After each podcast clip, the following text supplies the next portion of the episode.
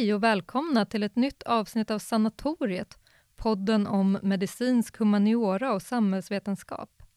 Idag är det Joakim Svartheden, pedagogisk utvecklare på läkarprogrammet och jag själv, Ylva Söderfält från Centrum för medicinsk humaniora och samhällsvetenskap vid Uppsala universitet som sitter i studion. Och Det finns såklart ett ämne som inte går att komma runt här just nu. Vilket ämne är det, Joakim? Kan det vara corona? Eller möjligen covid-19? Det var precis det som jag tänkte på. Alltså är det någonting som 2020 har visat oss så är det ju den här starka och komplexa kopplingen mellan medicin, kultur och samhälle. Så att vi kan ju inte låta bli att göra ett coronaprogram av podden. Och vårt intresse med podden är ju medicinens roll i samhället och i våra liv. Och här finns det väldigt mycket att säga just kopplat till corona. Jag tänker som forskare i ämnet att corona kommer att ge material till oss forskare för många generationer framöver. Och inte minst då när det gäller hur corona kanske kommer att förändra just medicinens roll i samhället. Och det är där som vi tänkte att dagens avsnitt ska ta avstamp och vi ska prata om en plats och ett sammanhang där medicinen har haft en stark dominans och har en stark dominans. Men vi ställer frågan, kan det här kanske vara på väg att luckras upp? Och det jag tänker på då, det är, var kommer bebisar ifrån? Eller mer specifikt kanske, var föder man bebisar någonstans? I Sverige så är svaret nästan alltid på sjukhus. Tanken att föda barn hemma ligger långt, långt borta för de flesta. Vi har tittat på statistik från januari 2019 och den angav att ungefär en halv promille av de svenska förlossningarna då var planerade hemförlossningar. Så vägen från ett positivt besked på graviditetstestet till en bebis går för de flesta helt självklart via mödravårdscentral, förlossningsavdelning och BB. Det vill säga genom en sjukvård som vi alla nu under coronakrisen har hört är svårt överbelastad, saknar resurser, som många kan vara rädda att uppsöka på grund av smittorädsla. Och mycket riktigt då under våren och sommaren i år så har media rapporterat om ett samband mellan coronapandemin och ett visst ökat intresse för hemförlossningar.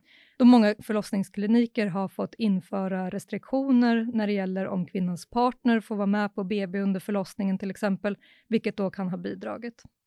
Och sanatoriet har talat med docent Helena Lindgren på Karolinska institutet som berättade att hembarnmorskorna i Stockholm under den här coronaperioden inte haft möjlighet att kunna säga ja till alla de som anmält intresse för att ha sin förlossning hemma. Det här var en fråga som vi ville gräva lite djupare i och därför har vi bjudit in två gäster till sanatoriet. Det är Helena Fransén som är doktorand på institutionen för idé och lärdomshistoria vid Uppsala universitet. Hej Helena! Hej Ylva, vad roligt att få vara med i den här podden och Märta Kullhed Engblom som är barnmorska och engagerad i frågan om hemförlossningar. Hej Märta! Hej, roligt att vara här. Välkomna båda två. Helena, jag tänker att vi börjar med det historiska perspektivet. Och när det gäller förlossningar så spelar alltså sjukhusvården fortfarande en enorm roll i Sverige, så pass att mycket få kan tänka sig att föda någon annanstans än på sjukhus.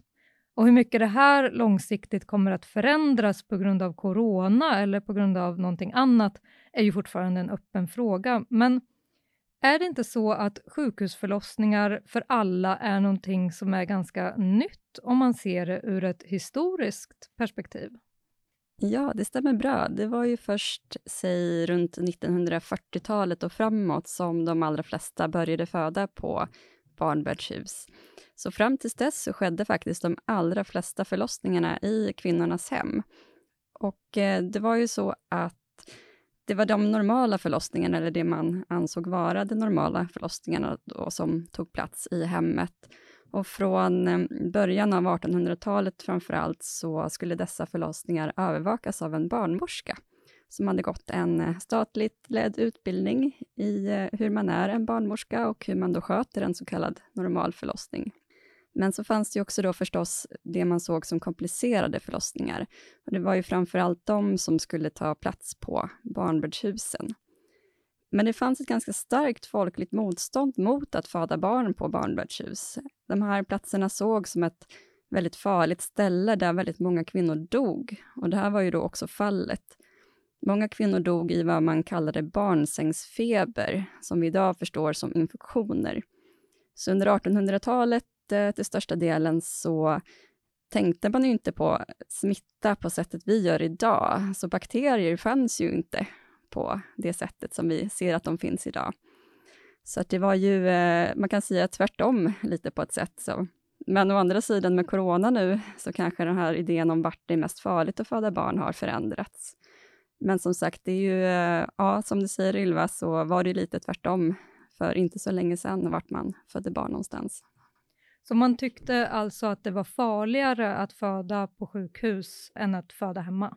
Ja, precis. Och eh, de som faktiskt födde på de få barnbördshusen som fanns under 1800-talet, det var framförallt de riktigt fattiga kvinnorna, alltså de här riktigt utblottade personerna som inte hade någon annanstans att ta vägen.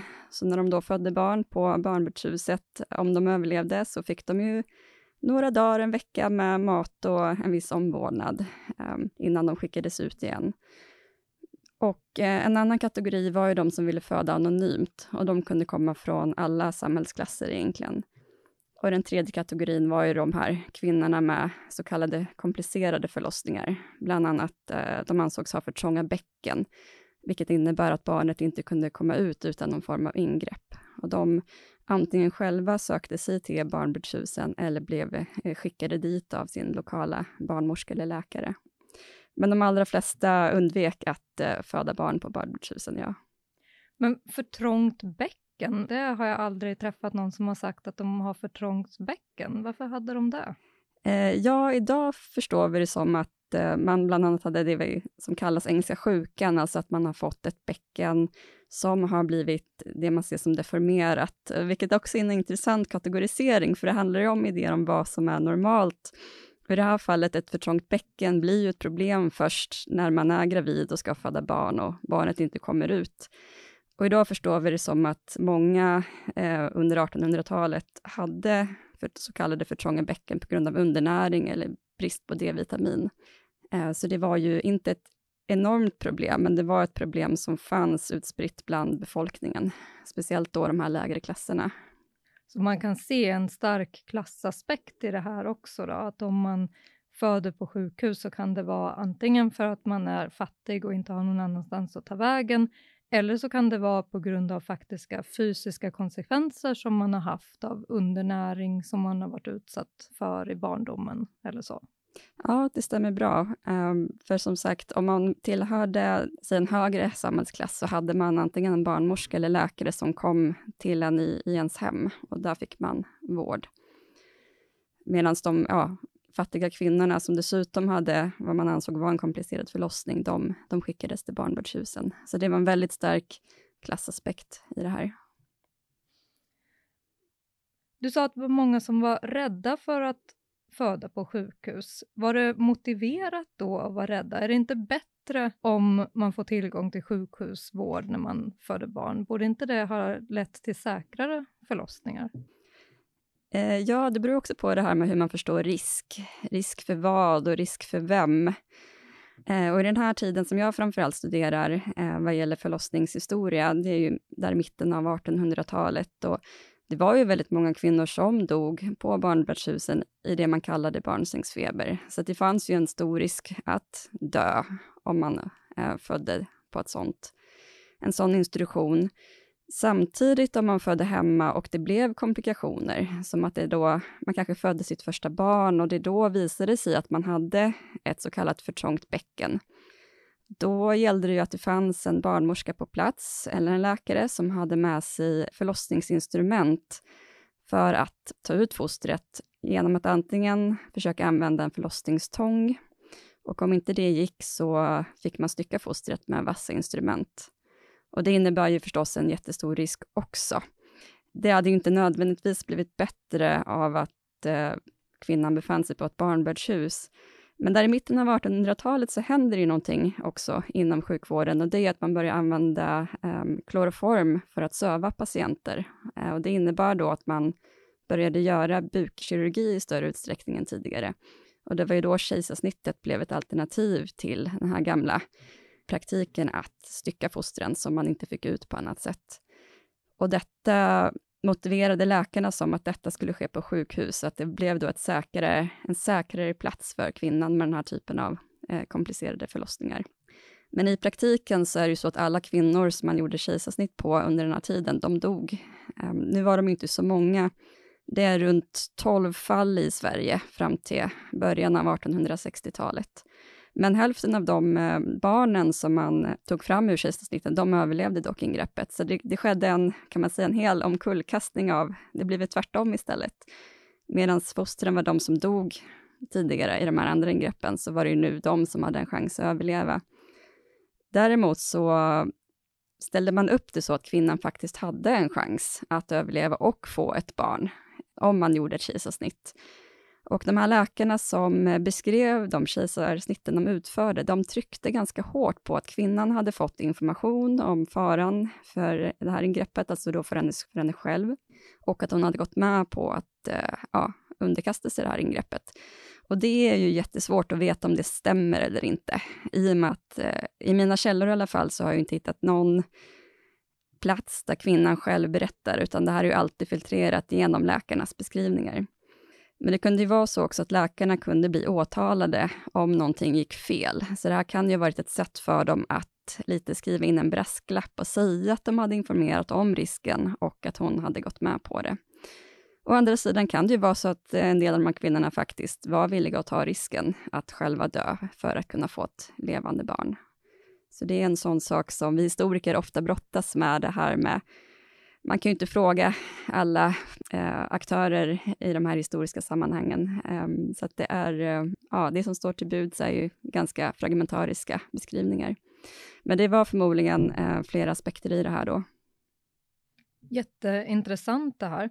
Men hur gick det till då när det här förändrades då? Du sa på 1940-talet så börjar kvinnor bli övertygade om att de vill föda på sjukhus, eller hur ser det ut?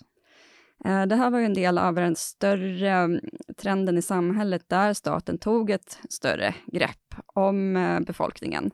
Att det, det, här är ju ett sätt att inordna befolkningen under sin statliga kontroll och det här var en process som började i redan runt 1700. Men det var runt 1940-talet som det i praktiken eh, började ske i större utsträckning. Och det innebär ju också att man ville att folk skulle söka sig till sjukhus för att få vård för andra typer av um, vårdproblem också. Så man vill ha kontroll över förlossningarna? Precis, eh, och det var ju läkarna då framför allt som eh, ansågs, eller ansåg sig själva besitta den här auktoriteten, den här kunskapen, och det var även de som utbildade barnmorskorna eh, och gav viss auktoritet till barnmorskorna, men de var alltid underställda läkarna. Så det handlar mycket om vem som har kunskap och vem som har auktoritet och vems kunskap som anses vara den giltiga. Och också då vad gäller patienterna, alltså kvinnorna, hur mycket deras kunskap tillskrivs värde, vem kunskapsvärderas mest, i vilka situationer, då beroende på idéer om risk. Precis. Vilken kunskap anser man dels att den kvinnliga barnmorskan kan besitta och också den kvinnliga barnaföderskan?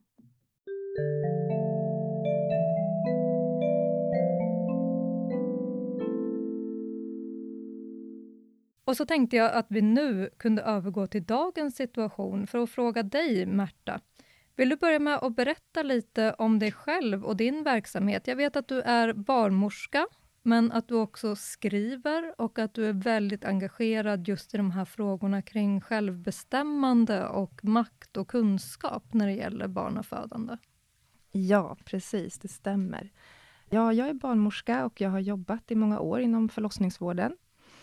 Och jag har även skrivit hela tiden. Eh, men sen, ju längre in i min karriär, ju längre jag jobbade som barnmorska, så började jag se att det är någonting här, eh, det är någon slags glapp i kunskap. Vad är det vi håller på med egentligen?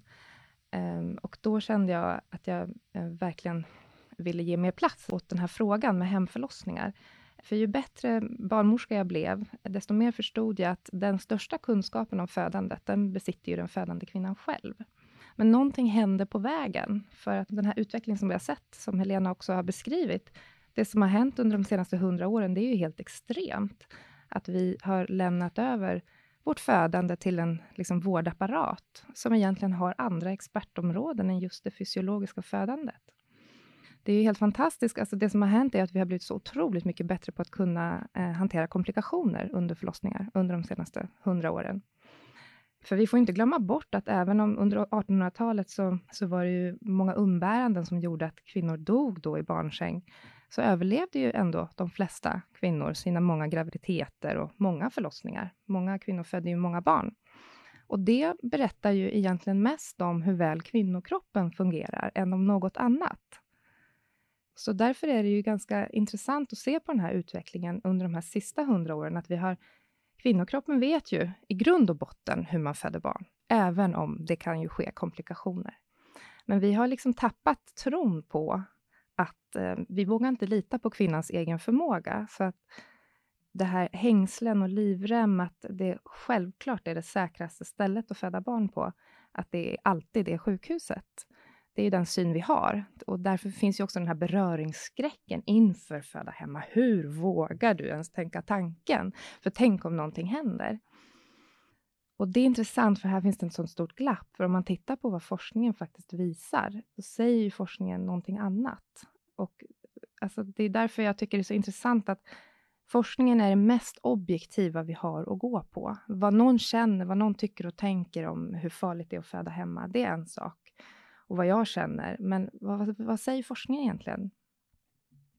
Och det är väldigt tydligt att sambandet sjukhus och säker förlossning är inte kausalt generellt. Sen är det ingen som skulle säga idag att det generellt är säkrast för alla att föda hemma, för det stämmer inte. Men om man ska föda barn och har en förväntat komplicerad förlossning, då är en obstetrisk enhet på sjukhus det säkraste stället. Så när du säger sambandet är inte kausalt, vad du menar då, det är att man får inte en säker förlossning för att man föder på sjukhus? Nej, så enkelt är det inte. Jag tror att det är många som lyssnar som inte vet särskilt mycket om hemförlossningar, just eftersom att det är så fruktansvärt ovanligt i Sverige. Det vore intressant att höra lite mer. Hur går en hemförlossning till egentligen? Hur funkar det? Mm. De som väljer att föda hemma i Sverige idag, det är ju en väldigt få, ungefär en på tusen som väljer det. De gör det för att de känner sig tryggast hemma. Och de flesta, allra flesta har en förväntat normal förlossning. För att man vill eh, få en möjlighet att bygga en relation till den barnmorska som ska vara med på förlossningen. Man lär alltså känna hembarnmorskorna under graviditeten. Och det ökar ju tryggheten, känslan av trygghet. Och sen eh, är de här barnmorskorna med under hela förlossningen. Eh, och så föder man hemma med hjälp av det stöd man får av barnmorskorna. Och sen eh, finns barnmorskorna också där efteråt, efter förlossningen. Och om någonting händer då under själva förlossningen så görs ju medicinska bedömningar hela tiden. Så att jag menar, ibland händer det att en, en planerad hemförlossning behöver konverteras, alltså överföras till sjukhus under pågående födsel. Eh, men de allra flesta som planerar för att föda hemma så går det väldigt bra. Det finns ett väldigt bra utfall i den gruppen. I Sverige så är ju underlaget för litet för att göra stora observationsstudier på de som föder hemma, eftersom det är så få som väljer att föda hemma. Men man kan ju alltid studera utfallen i den grupp som har valt att föda hemma. Och där ser man att det, för friska omföderskor ser man faktiskt ett bättre utfall i den gruppen. Och det är ju intressant. Vad betyder det? Färre skador och sådana saker? Eller? Alltså risken för att man ska drabbas av en svår förlossningsskada är mindre om man föder i hemmet. Och det kan man ju härleda då till att oftast går förlossningen i sin egen takt. Den forceras inte. Man använder inte verkstimulerande dropp när man föder barn i hemmet. Vi måste komma ihåg att en stor andel av de kvinnor som föder barn på sjukhus får också verkstimulerande dropp som ju är ett sätt att liksom skynda på förlossningen. Det behöver man inte i lika hög grad om man väljer att föda hemma. Chansen till en okomplicerad vaginal förlossning ökar om man planerar för att föda hemma. Varför är det så då, tror du? för mig som barnmorska som har jobbat länge med födande så har det blivit väldigt logiskt varför det är så. För att um, i grund och botten, även om komplikationer alltid kan ske, naturens kraft är ingen garant för att en förlossning kommer gå vägen. Men det är i grund och botten en normal fysiologisk process. Och oxytocin är det förlossningshormon som är kopplat till allt som är lugnt, alltså vårt lugn och rohormon kan man säga. Eh, man kan dra en parallell till älskog. När man älskar, då kommer en dusch av oxytocin ut i blodbanan när man får en orgasm. Det är alltså samma hormon som när man älskar eh, är inblandat under en barnafödsel. Så att trygghet, lugn och ro är A och O för att kvinnan själv ska kunna få tillgång till sina egna födande krafter, alltså kroppseget oxytocin. Så om man har det som utgångspunkt, då är det lättare att förstå att i vårt fokus på risk och patologi har vi byggt in bromsar för födandet. Alltså vi har byggt in institutionaliserade bromsar, vi har byggt in förflyttning. Alla kvinnor överförs ju idag till sjukhus. Och narrativet har hela tiden ägts av liksom, det medicinska etablissemanget. För när man, som jag då, börjar följa kvinnors egna processer genom födandet istället för att bara följa sjukhusprocessen, då har jag sett att jag menar, vi har ju 100% överföring av födande i Sverige. Det är inte så att alla föder på sjukhus i Sverige. De flesta avslutar sina förlossningar på sjukhus. En stor del av förlossningsarbetet är ju i hemmet innan man överförs till sjukhus. Så den här förflyttningen, det kan gå jättebra att förflyttas, men det kan också vara ett störande moment. Eh, alltså en institutionaliserad form av broms för födandets fysiologi, förflyttning. Hästar får ju till exempel inte förflyttas enligt djurskyddslagen. Alltså försäkringsbolagen skriver ju att, att det är viktigt att ston får akklimatisera sig till födningsboxen, alltså flera veckor innan det är dags att föda. Men kvinnor ska liksom bara klara av den här förflyttningen som om det inte var någonting. Sen träffar man nya människor som man kanske inte har tidigare träffat på sjukhuset. Det är en ny miljö. Allt det här kan, det behöver inte, men det kan innebära ett adrenalinpåslag. Och adrenalin är ett sätt att dämpa oxytocinet. För att ur ett evolutionärt perspektiv är det logiskt. Vi ska föda våra barn där vi känner oss som tryggast. Troligtvis har chansen för överlevnad varit som störst då. Så det är liksom logiskt att kroppen har valt att koppla ihop det här oxytocinet, förlossningshormonet, med lugn och ro. Så att om man tittar på det som händer på sjukhus, det finns jättemånga, jag har varit med på jättemånga fina sjukhusförlossningar, så det finns absolut ingen, det är inte svart eller vitt, det är väldigt komplext. Det måste vi alltid komma ihåg. Ehm, men vi måste också ställa oss lite utanför och titta, vad har hänt här? Alltså hur kan det komma sig att år 2018, då fick nästan 60% av alla förstföderskor verkstimulerande dropp på sjukhus. Och verkstimulerande dropp är en jättestor anledning till de här ansvarsfallen. Eh, det är nästan alltid inblandat verkstimulerande dropp när det är barn som har mm, lidit av syrebrist i magen. Alltså det finns en risk kopplad till verkstimulerande dropp. Och då säger man, nästan var och varannan kvinna får höra att de är verksvaga. Det stämmer inte. För kvinnor är i grunden verkstarka. Någonting har hänt här på vägen. Det är en helt orimlig siffra att 60% av förstföderskor får höra att de är verksvaga. Vi har liksom börjat problematisera den födande kvinnan istället för att börja problematisera vilka omständigheter har vi givit den här födande kvinnan? Kan det vara någonting här? Ska vi kanske börja leta efter ledtrådar här? Som gör att för en, en del blir inte sjukhusförlossningen den här fantastiska födsel som man har förväntat sig. Det är jättemånga kvinnor som tänker att de ska föda utan smärtlindring, utan epidural. Och sen kommer man till sjukhuset och så stannar verkarna av. Och, och så blir det ändå det här interventionskaskaden, det här epidural, eh, verkstimulerande dropp och allt det här man inte tänkte sig. Och så riktar man det här inåt och tänker det var något fel på mig, för jag kunde inte föda. Och så ser man i journalen så står det att verksvaghet. Och så har man det med sig när man föder andra, tredje barnet, jag var verksvag. Eh, och jag som nu har sett kvinnor föda barn i hemmet, jag vet att kvinnor är verkstarka i första hand, men en livmoder kan bli trött efter ett långt verkarbete. Så att här finns det ett kunskapsglapp. Jag tänker att om man har haft den upplevelsen och man har fått det här droppet och man har fått epiduralen och den här kaskaden som du pratar om, antingen själv vid en tidigare förlossning eller om man har fem, sex, sju väninnor mamma, moster eller så som har varit med om det här, är det inte just då som man får den här tanken att tack gode gud att jag var på sjukhus, för att annars hade det här aldrig gått? Det är precis så som det är. Det är därför också vi håller tillbaka varandra. Kvinnor håller tillbaka varandra. Alltså, min mamma födde mig på sjukhus. Hon fick verksamlande dropp. Hon fick höra att hon var väldigt verksvag på slutet och de behövde hänga på magen för att jag skulle komma ut. Och vi, I vår kultur har vi reproducerat den här bilden av att det är livsfarligt att föda barn. Och du ska inte våga lita på din kropp och din kraft att föda hemma, utan du kommer behöva vara på sjukhus om någonting händer. Och sen har vi å andra sidan, den här, det är en sån otrolig diskrepans mellan de här olika berättelserna om födande. För det här är ju en klassiker. Man tänker att man ska föda av egen kraft. Och så, det tänkte jag också när jag födde mitt första barn. Så kommer man in till sjukhuset och så blev det inte alls. Och allt stannar av och, och man behöver epidural och man behöver lustgas. Och man, för en del slutar det till och med med ett akut kejsarsnitt och man kan komma ut med sjukhuset med en känsla av att jag hade aldrig klarat det där på egen hand. Och så tackar man liksom läkarna och man tackar sjukhuset. Och sen har vi de här berättelserna om födande som är helt väsensskilda. Alltså kvinnor som har fött barn hemma, som beskriver nästan i så här angelical terms, att det var helt fantastiskt och född av egen kraft och född i vatten och med närvarande barnmorskor. Det var bara lugnt och tryggt. Och när jag hade fött mitt första barn på sjukhus och fick höra sådana berättelser, så blev jag otroligt provocerad. Och jag riktade en stark misstro mot de här kvinnorna. Vilka är ni? Och på vilket sätt angår det här mig, era berättelser? Och där, det har vi också, att det finns en stark liksom, misstro mot, gentemot kvinnor här. Att hur vågade ni föda hemma? Tänk om någonting hade hänt. Då hade det kunnat hända era barn någonting. Ni riskerade era barns liv.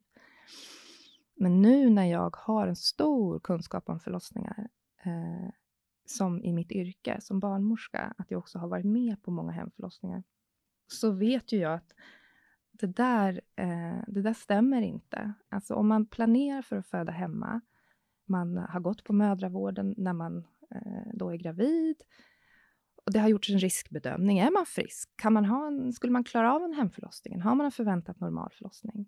Och man lär känna barnmorskorna under graviditeten och de är med sen under förlossningen.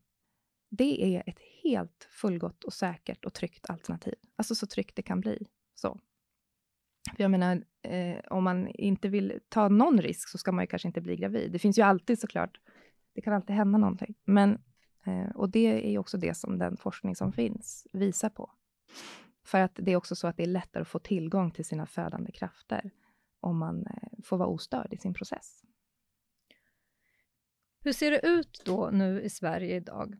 Hemförlossningar är jätteovanligt, men om man vill föda hemma, vilka möjligheter finns till det? Mm.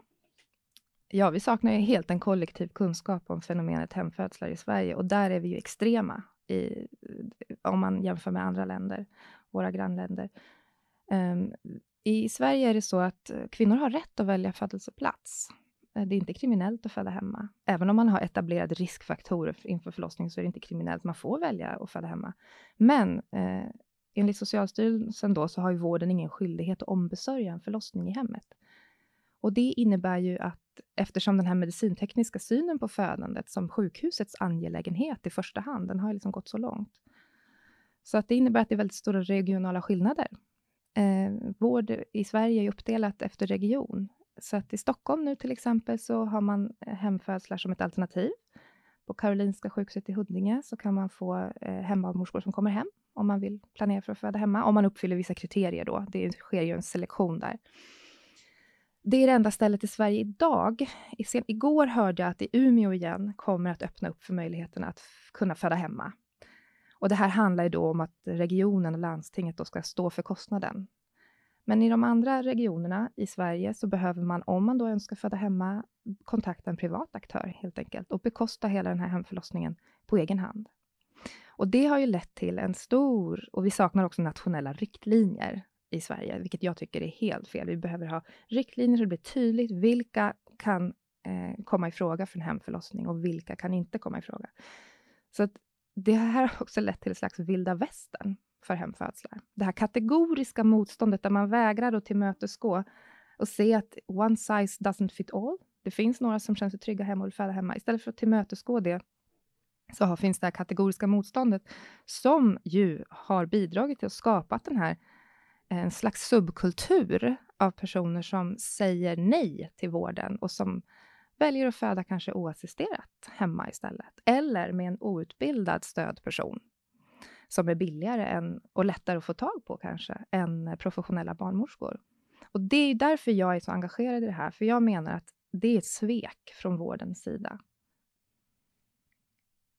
Nu har vi hört att intresset för hemförlossningar har ökat på många håll i Sverige under corona. Har du eh, märkt av det eller hört talas om det? Oh ja, alltså intresset, det är det, det som är intressant för att corona, det hände någonting där.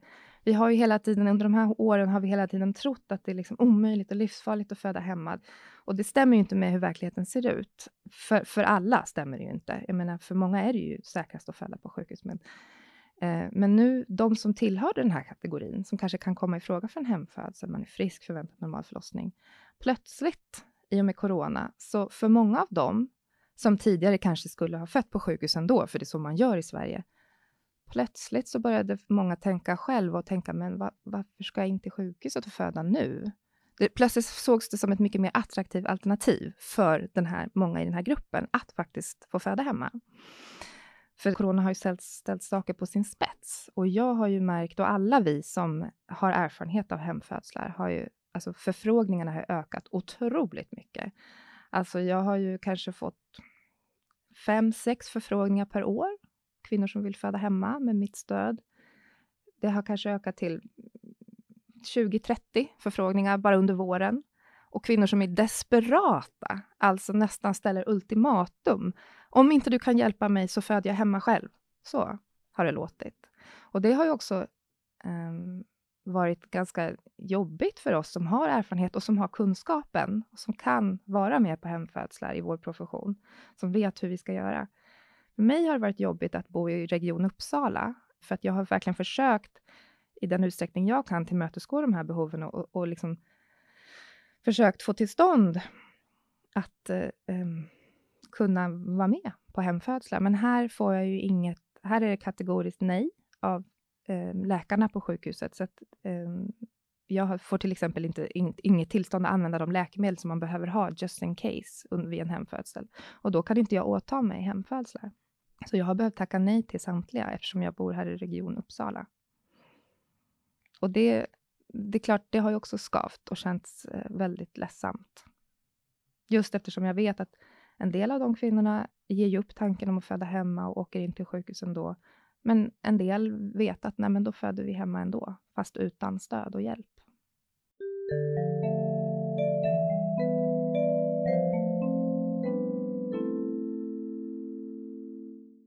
Jag hör ett eh, begrepp återkomma som har blivit lite av ett modeord tror jag, eller åtminstone ett väldigt centralt begrepp i debatten idag och det är begreppet narrativ. Och för mig är narrativ en eh, övergripande berättelse som ska göra komplexa skeenden eller komplexa företeelser något enklare att begripa och att prata om. Och, och, eh, jag skulle vilja höra först, ni som är idéhistoriker, hur ser ni på begreppet narrativ?